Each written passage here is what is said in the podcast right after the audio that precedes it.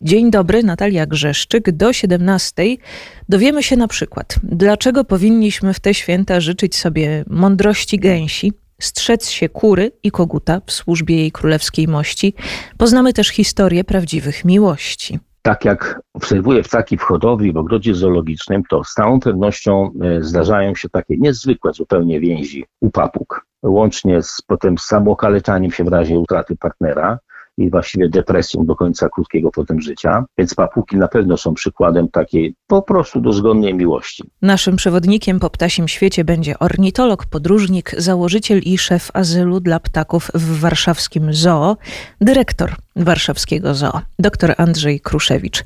Właśnie premierę ma jego najnowsza książka Tajemnice ptasiej alkowy. Więcej na ten temat za kilkanaście minut. Teraz przenosimy się do świata roztańczonych, rozśpiewanych i potrafiących kochać pięknie, jak się okazuje, papug. Dokładnie tych z animacji Rio.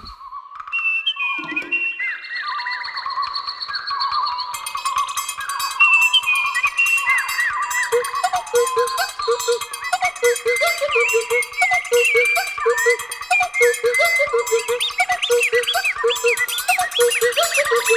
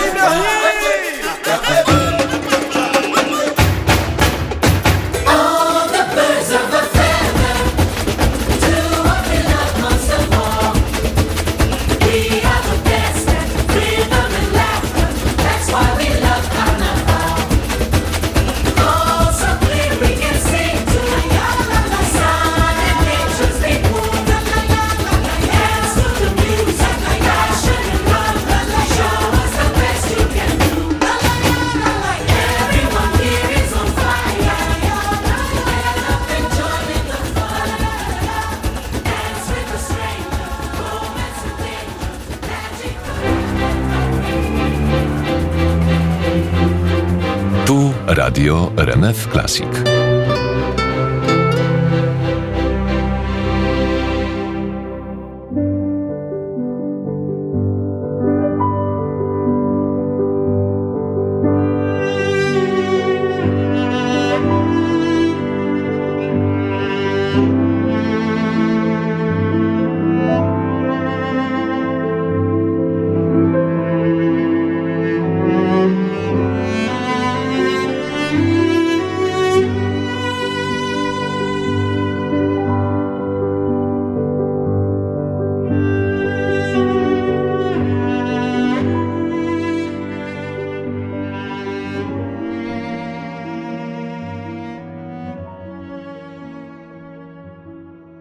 Łabędź z karnawału zwierząt Camila Sensansa grały Ann Martindale Williams i Patricia Pratis Jennings.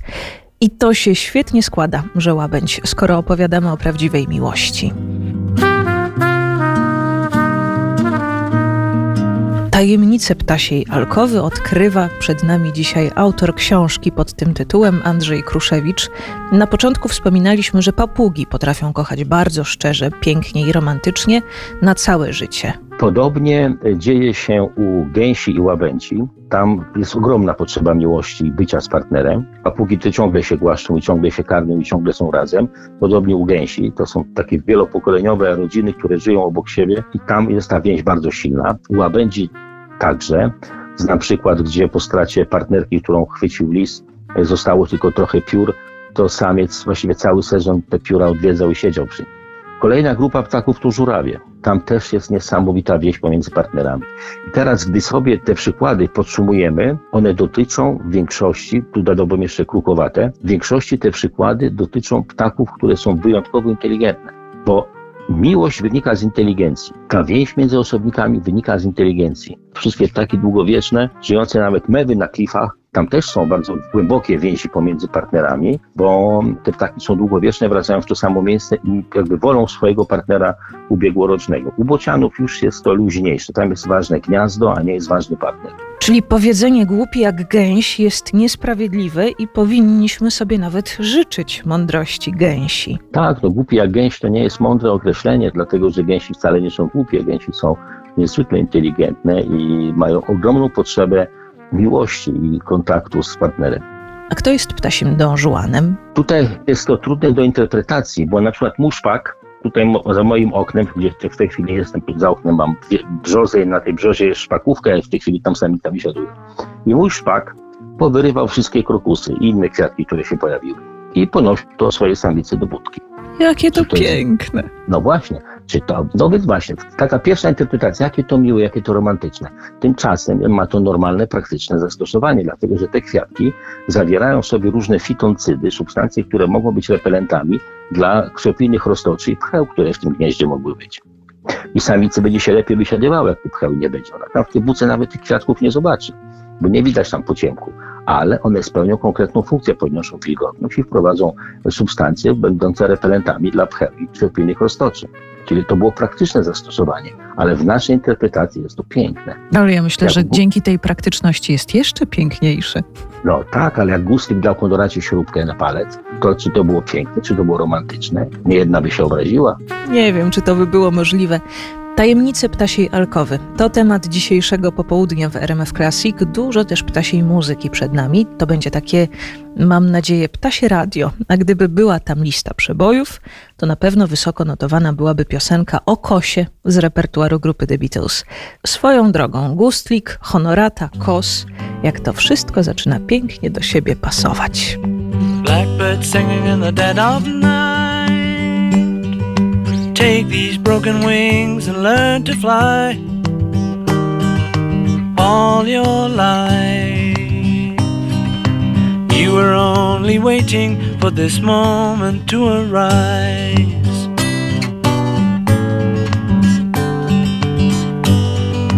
Blackbird singing in the dead of night. Take these sunken eyes and learn to see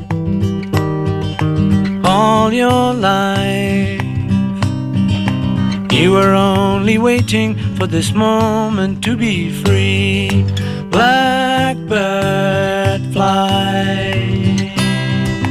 Blackbird fly into the light of a dark black night.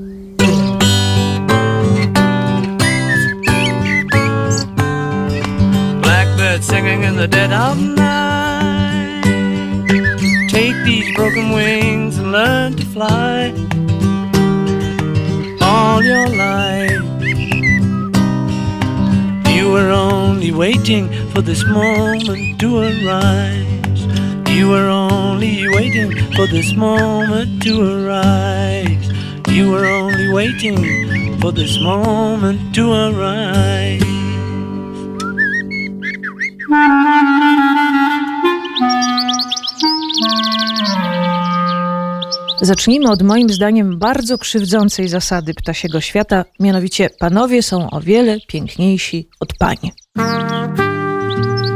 Tak, ale tutaj e, samce są piękniejsze od samic w większości przypadków, bo nie wszędzie tak jest, ale to duża większość. Samce są piękniejsze dlatego, że to samice dokonują wyboru partnera, więc to jest jakby coś za coś. Samice mogą inwestować w jakość potomstwa, bo nie mogą inwestować w ilość, no bo nie mogą znieść jaj więcej niż się zmieści w gnieździe, niż mogą ogrzać albo wykarmić. Samce inwestują w ilość potomstwa, a samice w jakość. Tu jest ten konflikt płci, ale samce muszą się starać o względy samic i stąd są te ozdoby. Samice nie muszą się starać o względy samców. Same to, że są samicami już powoduje, że są atrakcyjne, więc one dokonują wyboru. Jeszcze w latach 80. nie można było głośno o tym mówić, bo nikt by w to nie uwierzył.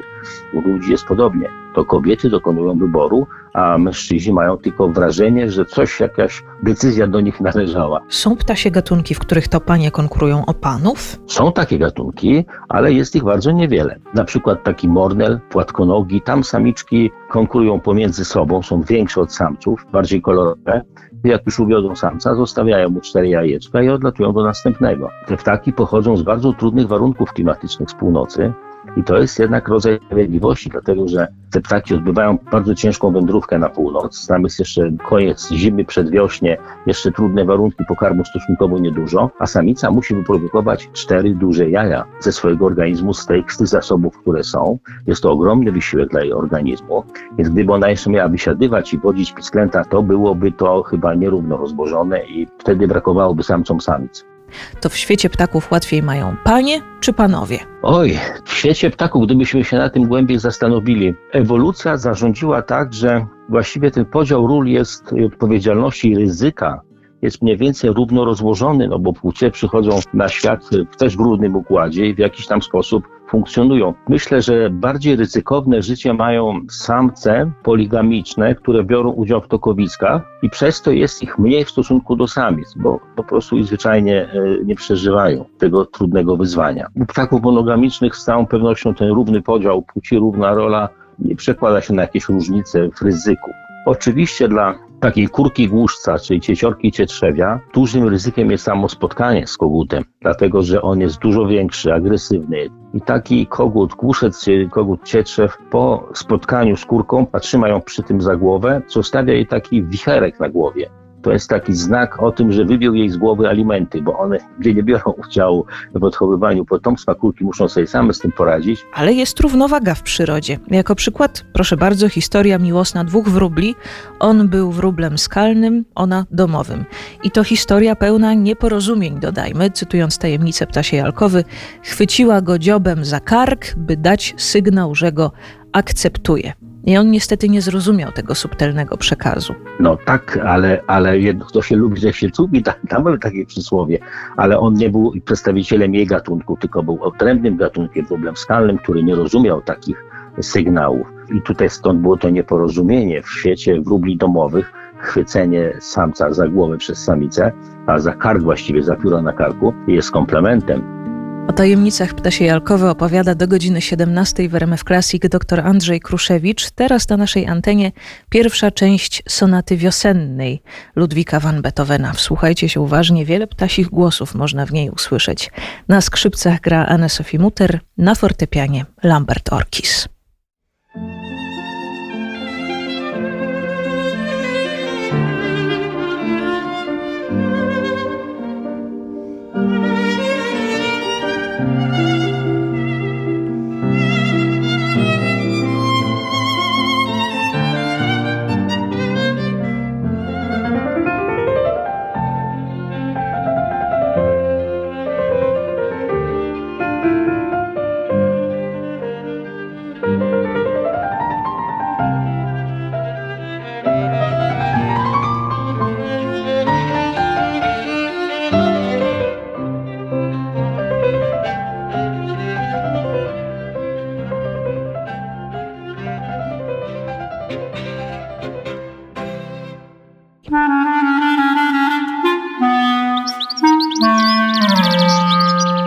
Są gatunki, które podrywają na poczucie humoru? Ptaki bywają dowcipne?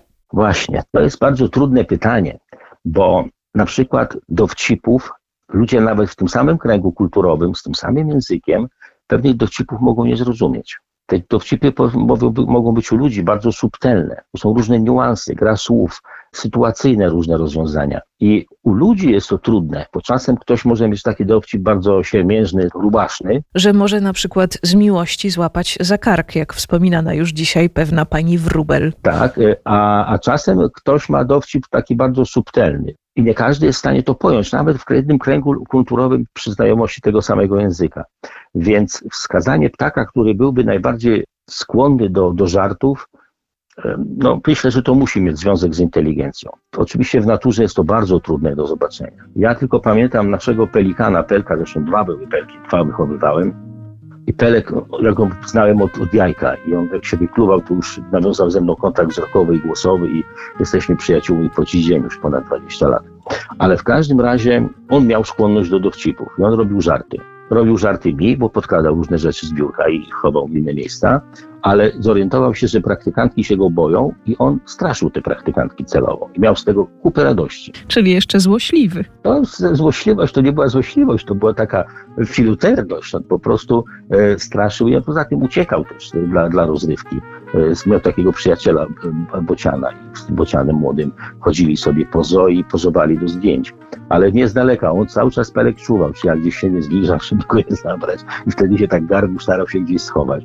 A jak się zamykało potem w takiej zagrodzie, już nie umiał wyjść, Bociana zamykaliśmy w zagrodzie, to już Pelek nie, nie chodził gdzie. Bez Bociana nie chciało mu się. Trudno się Pelkowi dziwić. Andrzej Kruszewicz opowiada dzisiaj o tajemnicach ptasiej alkowy. Taki tytuł nosi jego najnowsza książka. Czy można zaskarbić sobie przychylność śpiewem? A jeżeli to jakim? O tym za chwilę. Teraz słowik Paryża, jak ją określano. Edith Piaf śpiewa w RMF Classic. This melody you will hear follows me everywhere I go. I hear it when I am sad, and especially when I am glad. It seems to mock me for my past sins. It taunts me, and it is driving me crazy, padam.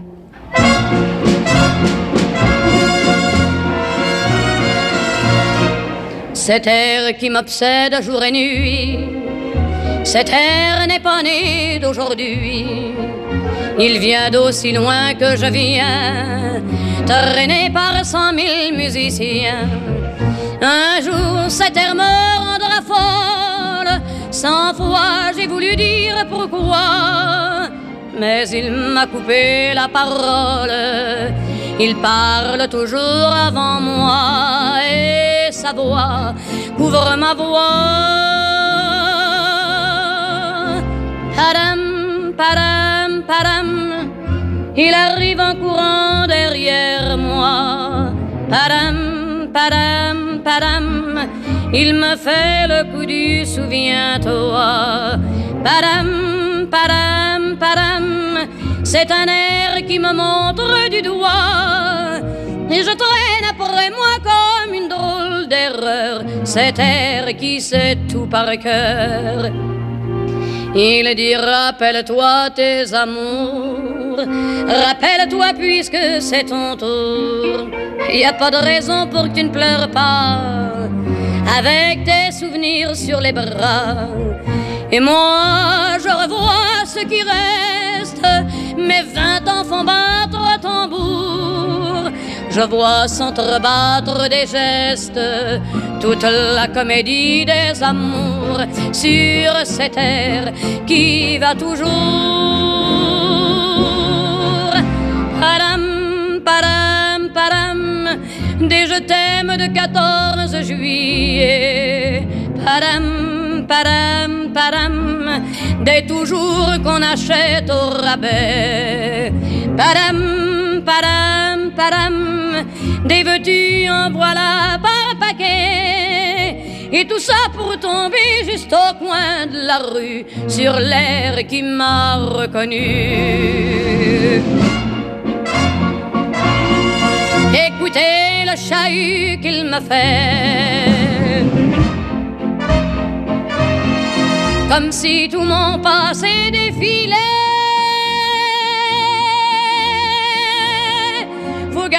Garder du chagrin pour après. J'en ai tout un solfège sur cette terre qui bat, qui bat comme un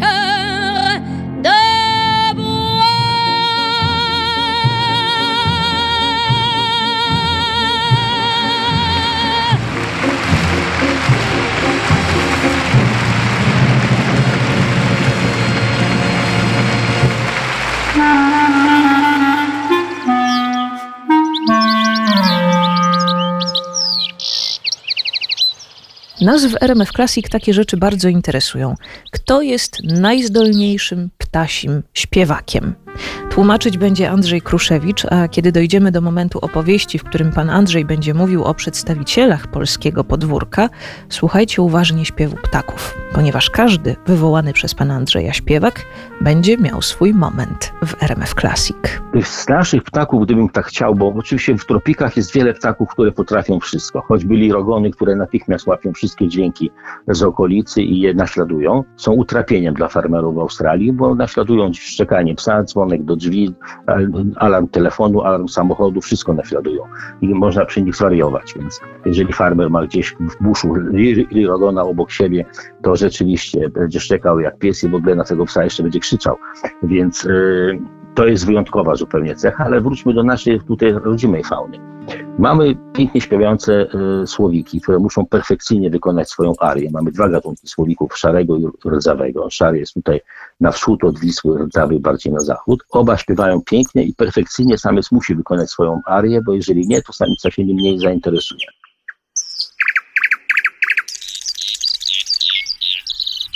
Z drugiej strony mamy skowronka, pięknie śpiewającego, ale na przykład on musi śpiewać cały dzień zawieszony na wdechu i na wydechu śpiewa zawieszony 100 metrów nad ziemią.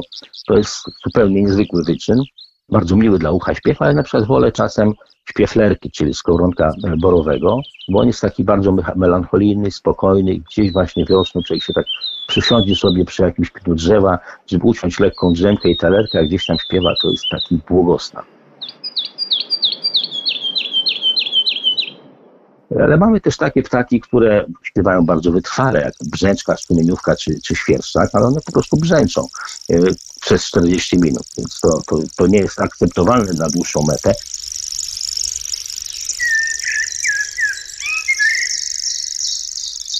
Dla mnie najmilsze dla ucha głosy ptasie e, z naszej fauny to jest kos i szpak. Z tym, że kos to jest wieczór, fletowe śpiewy, każdy samiec śpiewa trochę inaczej. Oczywiście Prawne ucho wykryje od razu, czy to kos czy szpak. Początkujący obserwatorzy ptaków mogą mieć z tym kłopot, ale kos, on śpiewa, on wplata, on się uczy, on całe życie się uczy. Im starszy, tym lepiej śpiewa. Podobnie ze szpakiem. Ja tutaj miałem takiego e, szpaka, co wplatał kawałki laku karaczy. Nie wiem po co on to robił, ale gdzieś usłyszał i wplatał te śpiewy. One mają swoje tam różne takie charakterystyczne głosy, natomiast każdy samiec szpak śpiewa inaczej. I to jest piękne. Dlatego powiesiłem budkę sobie przy oknie jak tylko się trochę zrobi cieplej, będę spał przy otwartym oknie. Ja chcę słuchać tego szpaka, bo śpiewa bardzo długo. My zostaniemy jeszcze na chwilę przy śpiewie Skowronka. Robi Lakatosz z zespołem starali się oddać jego śpiew, który zapisał za pomocą nut Grigoriasz Diniku.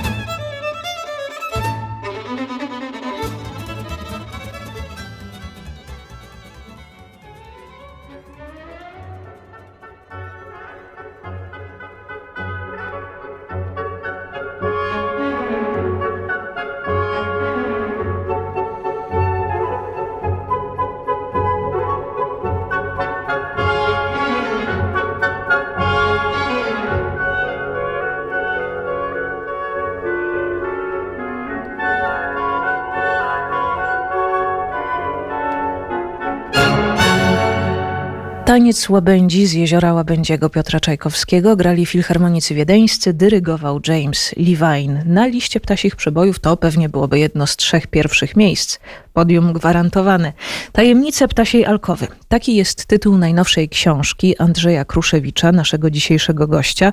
To wiemy, że na śpiew, na poczucie humoru, na co jeszcze ptasi panowie mogą podrywać samiczki? Tak samo jak w świecie ludzi jak tam opisałem taką strategię w książce Tajemnicy Klasie Alkowy, rozwinąłem taką strategię na luksusowe auto. No bo czym jest luksusowe auto? Auto, które jest powiedzmy kabrioletem czerwonym, przyspieszenie w 6 sekund do setki, kwadro, muzyka niesamowita, skórzane fotele, wszystko co tylko można sobie wyobrazić, pieruńsko drogie. Czy takie auto kupujemy po to, żeby wozić dziecko do szkoły czy do przedszkola? Raczej nie. Czy kupujemy je z myślą o tym, żeby jeździć na zakupy? Też raczej nie. Może do pracy, może niekoniecznie. Natomiast gdy takim autem podjedziemy pod dyskotekę, to zrobimy wrażenie. I podobnie jest z ozdobami, które są z pozoru niepotrzebne, kosztowne, na przykład pawiogon. On nie służy do ochrony przed wiatrem, przed deszczem, przed drapieżnikami, nie pomaga w zdobywaniu pokarmu. On się sprawdza wyłącznie na tokowisku. I on po to jest.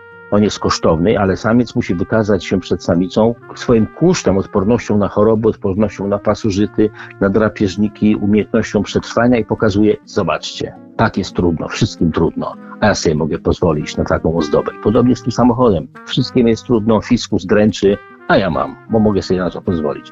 I to jest sygnał jakby zaradności samca, jego odporności na warunki otoczenia i to jest argument dla samic, żeby taki samiec był dawcą genów dla potomstwa i nie przypadkiem zbadano to u pawi w Indiach. Taki samiec wieloletni po pięknie rozwiniętym ogonie może zmonopolizować nawet 95% samic w okolicy. Nawet gdyby tego nie chciał, to one na nim to wymuszą. A kto jest mistrzem w podrywie na uwite gniazdko? Pan w tajemnicach ptasiej alkowy określa to podrywem na chatę. No, na przykład taki wikłacz musi zbudować y, gniazdko z takich włókien, które urywa z liści palmowych, to są zielone włókienka, i musi z tego zbudować bardzo szybko, bardzo kosztowne gniazdko, solidne. Samice oceniają takie gniazdko pod kątem konstrukcji, ale jeżeli samczyk budował takie gniazdko zbyt długo i te zielone włókna z palm wypłowieją mu na słońcu, to samice nawet do niego nie podchodzą. Bo nie ma po co, skoro on budował tak długo, że mu wypłowiało i żadna samica się nim nie zainteresowała, to szkoda czasu, żeby sprawdzać gniazdko takiego samca. Więc on je porzuca i buduje następne, aż w końcu zbuduje sprawnie, dobrze i szybko, będzie ono zielone, wtedy samica tam zajrzy. Nasze remizy, sięgając na nasze podwórko, też mamy takie ptaszki, budują niezwykle kunsztowne gniazda z puchu, wierzb, topór i pałek e, takich e, szarkolistnych i one zbudują gniazdo w postaci takiej jakby rękawicy z jednym palcem. To wisi sobie na gałązce wierzbowej, brzozowej najczęściej, ale też wierzbowej. I jeśli gniazdko jest ok, samiczka do niego wejdzie zacznie tam znosić jaja. Dokończy coś, ale zacznie znosić jaja. W momencie, kiedy zacznie wysiadywanie, samczyk oddali się, zbuduje następne gniazdo. A jeżeli jest super samcem, to będzie miał czas jeszcze na trzecie gniazdo w sezonie. To jest to na chatę. Oczywiście nie można przekładać zasad ptasiego świata na ludzki, przynajmniej niedosłownie, jeden do jednego, chociaż taka analiza ptasich nawyków daje wiele do myślenia, prawda? Dla bezpieczeństwa może ucieknijmy w piosenkę. Rockin' Robin. Robin to po polsku Rudzik. Bobiego Deja w wykonaniu Michaela Jacksona i Jackson 5 to nagranie z 1972 roku.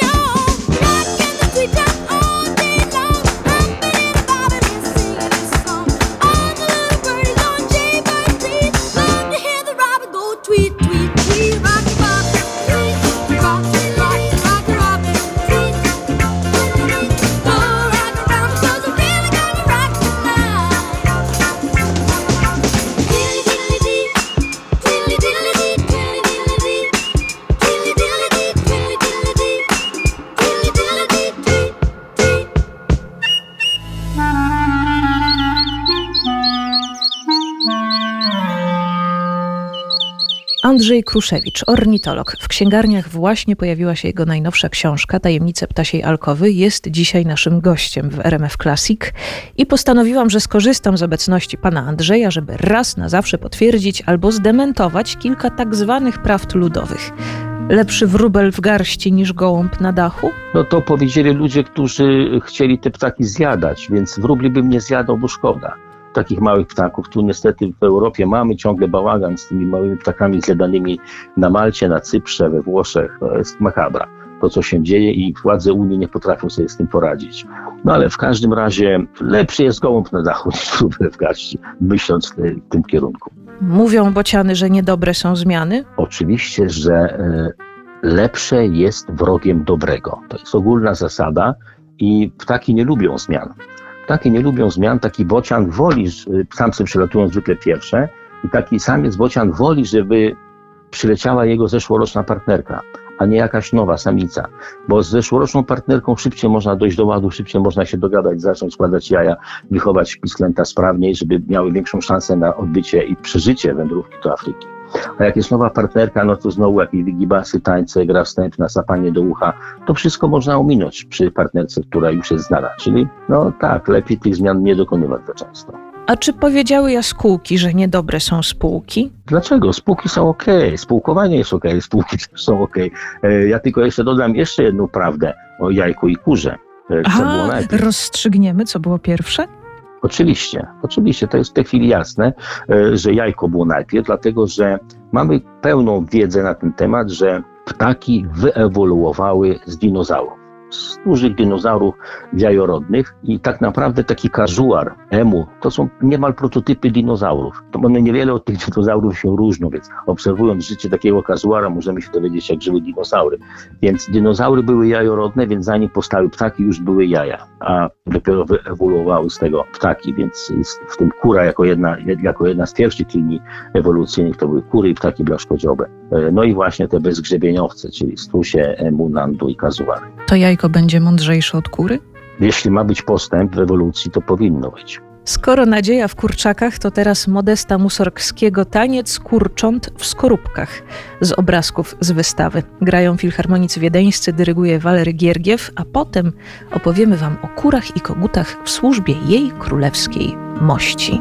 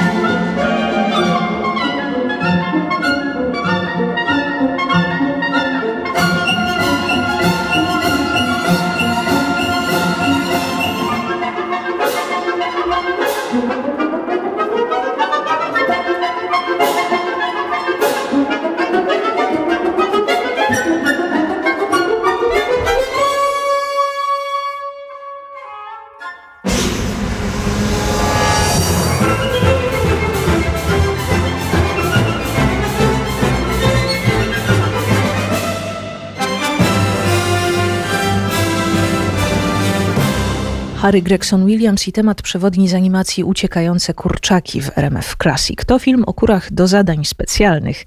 Andrzej Kruszewicz przy okazji premiery swojej najnowszej książki Tajemnice ptasiej alkowy opowiada nam dzisiaj o wielu ptasich sekretach. Poprosiłam o potwierdzenie lub zdementowanie kilku popularnych powiedzonek. Zatrzymaliśmy się przy kurze i właśnie zespół Czerwony Tulipan zaśpiewał kiedyś taką piosenkę. Może przypomnijmy. Kto wykradł plany tajnych broni?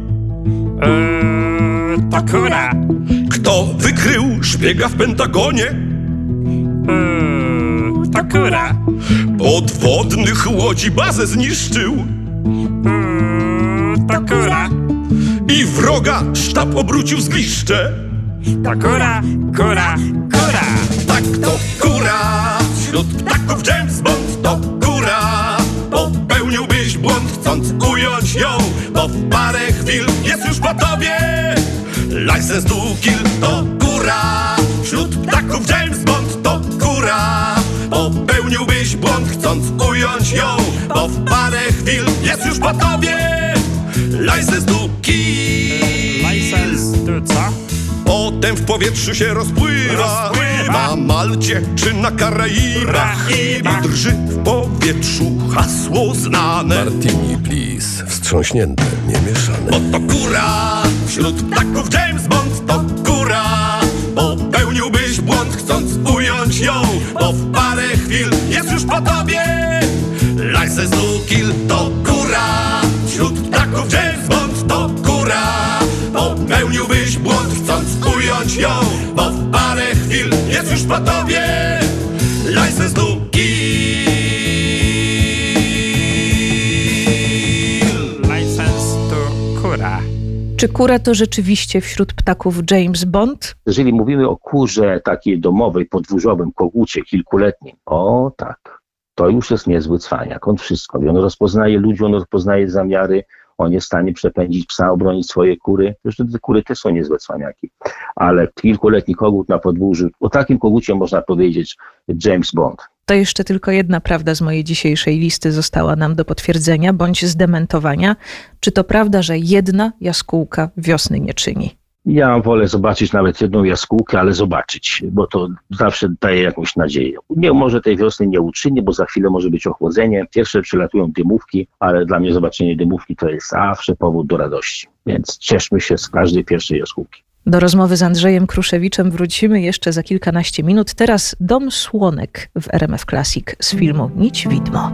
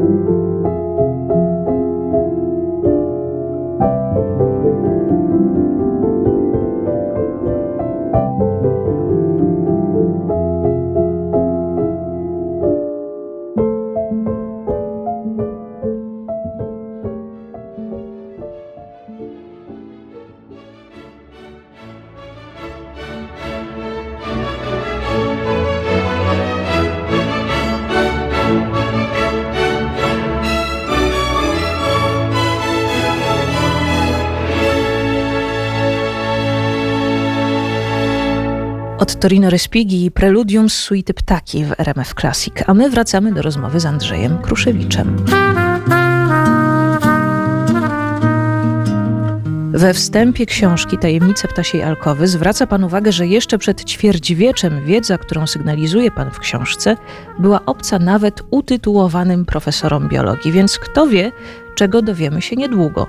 Są jakieś palące pytania, na które nie może się Pan doczekać już odpowiedzi? Tak, tak zdecydowanie. E, Tutaj biologia molekularna, badanie DNA zrobiły potężny postęp w naszej wiedzy o tym, co się tak naprawdę w przyrodzie dzieje, zwłaszcza u ptaków, ale my ciągle nie rozumiemy tego, jak ptaki widzą się nawzajem, jak ptaki w ogóle widzą świat. One widzą ultrafiolet, widzą jeszcze parę innych rzeczy, widzą niektóre podczerwień, więc ich świat jest zupełnie inaczej skonstruowany. One widzą inne barwy, ich tęcza jest inna. Dla nas gawron, czy wrona, czy kruk to jest po prostu czarny ptak, ale kruk w oczach innego kruka lśni wszystkimi barwami tęczy. Czasem te kruki potrafią, czy gawrony potrafią nam pokazać te połyski, ale to my widzimy tylko na miastkę, w specyficznych okolicznościach. Natomiast ptaki przez to, że widzą ultrafiolet, dla nich to wszystko lśni, wszystko jest kolorowe. Dla nich się lśnią owoce, które są dojrzałe, są gotowe do zjedzenia, dla nas wszystkie jagody są czarne. A ptak będzie wiedział, która jagoda jest najbardziej dojrzała. Więc ich świat jest inny i ja marzył o tym, żeby kiedyś zobaczyć świat oczyma ptaka. To jeszcze chciałam podpytać, czy pojawili się jacyś nowi pacjenci w ptasim azylu w warszawskim zoo? Mamy dwa pelikany znowu, odchowujemy dwa pelikany i zabawy jest popachy. Też nimi, tak więc dowcipne? Pewnie tak, na razie to są jeszcze takie gamonie, trochę czarnopłuchowe, ale tak, pelikany mnie zaskoczyły pod wieloma względami.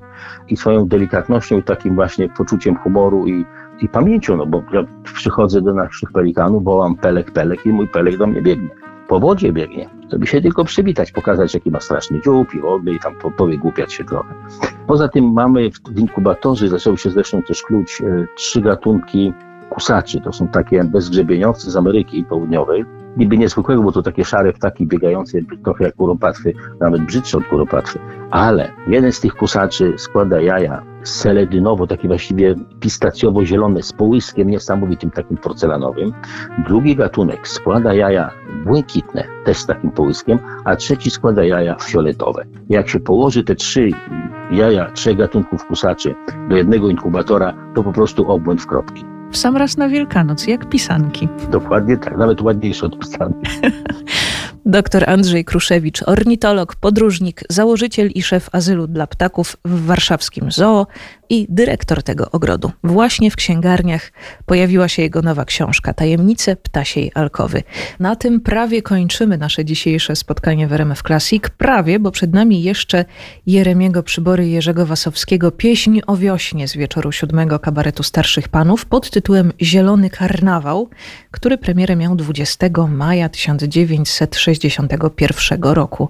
Tam wyjaśni się, dlaczego akurat teraz opowiadaliśmy wam tyle o ptasich sprawach. A ja już dziękuję za to wspólne sobotnie popołudnie i świątecznie życzę nam wszystkim zdrowia, gęsiej mądrości, poczucia humoru pelikana i obyśmy potrafili kochać jak papugi. Do usłyszenia. Natalia Grzeszczyk.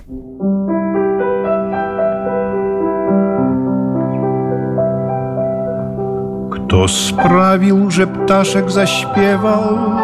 To wiosna, To wiosna, że krzewy zakwitły i drzewa. to wiosna. To wiosna, Kto tyle uczynił zieleni? to wiosna. To wiosna, Na ławkach rozrzucił tych leni. To wiosna. Kto smutki roztapia i śniegi, kto sypie fiołki. I piegi. Kto wiatrem tak psoci sukienką i każe się wstydzić. Panienkom, Kto puścił gołąbki w zaloty, to wiosna. to wiosna. Kto tyle uczucia wlał w koty? To wiosna. To wiosna, Kto pieśń dał słowikom miłosną, to wiosna, to wiosna i ludzkie westchnienia zaroślą. To wiosna, wiosna, wiosna, to wiosna.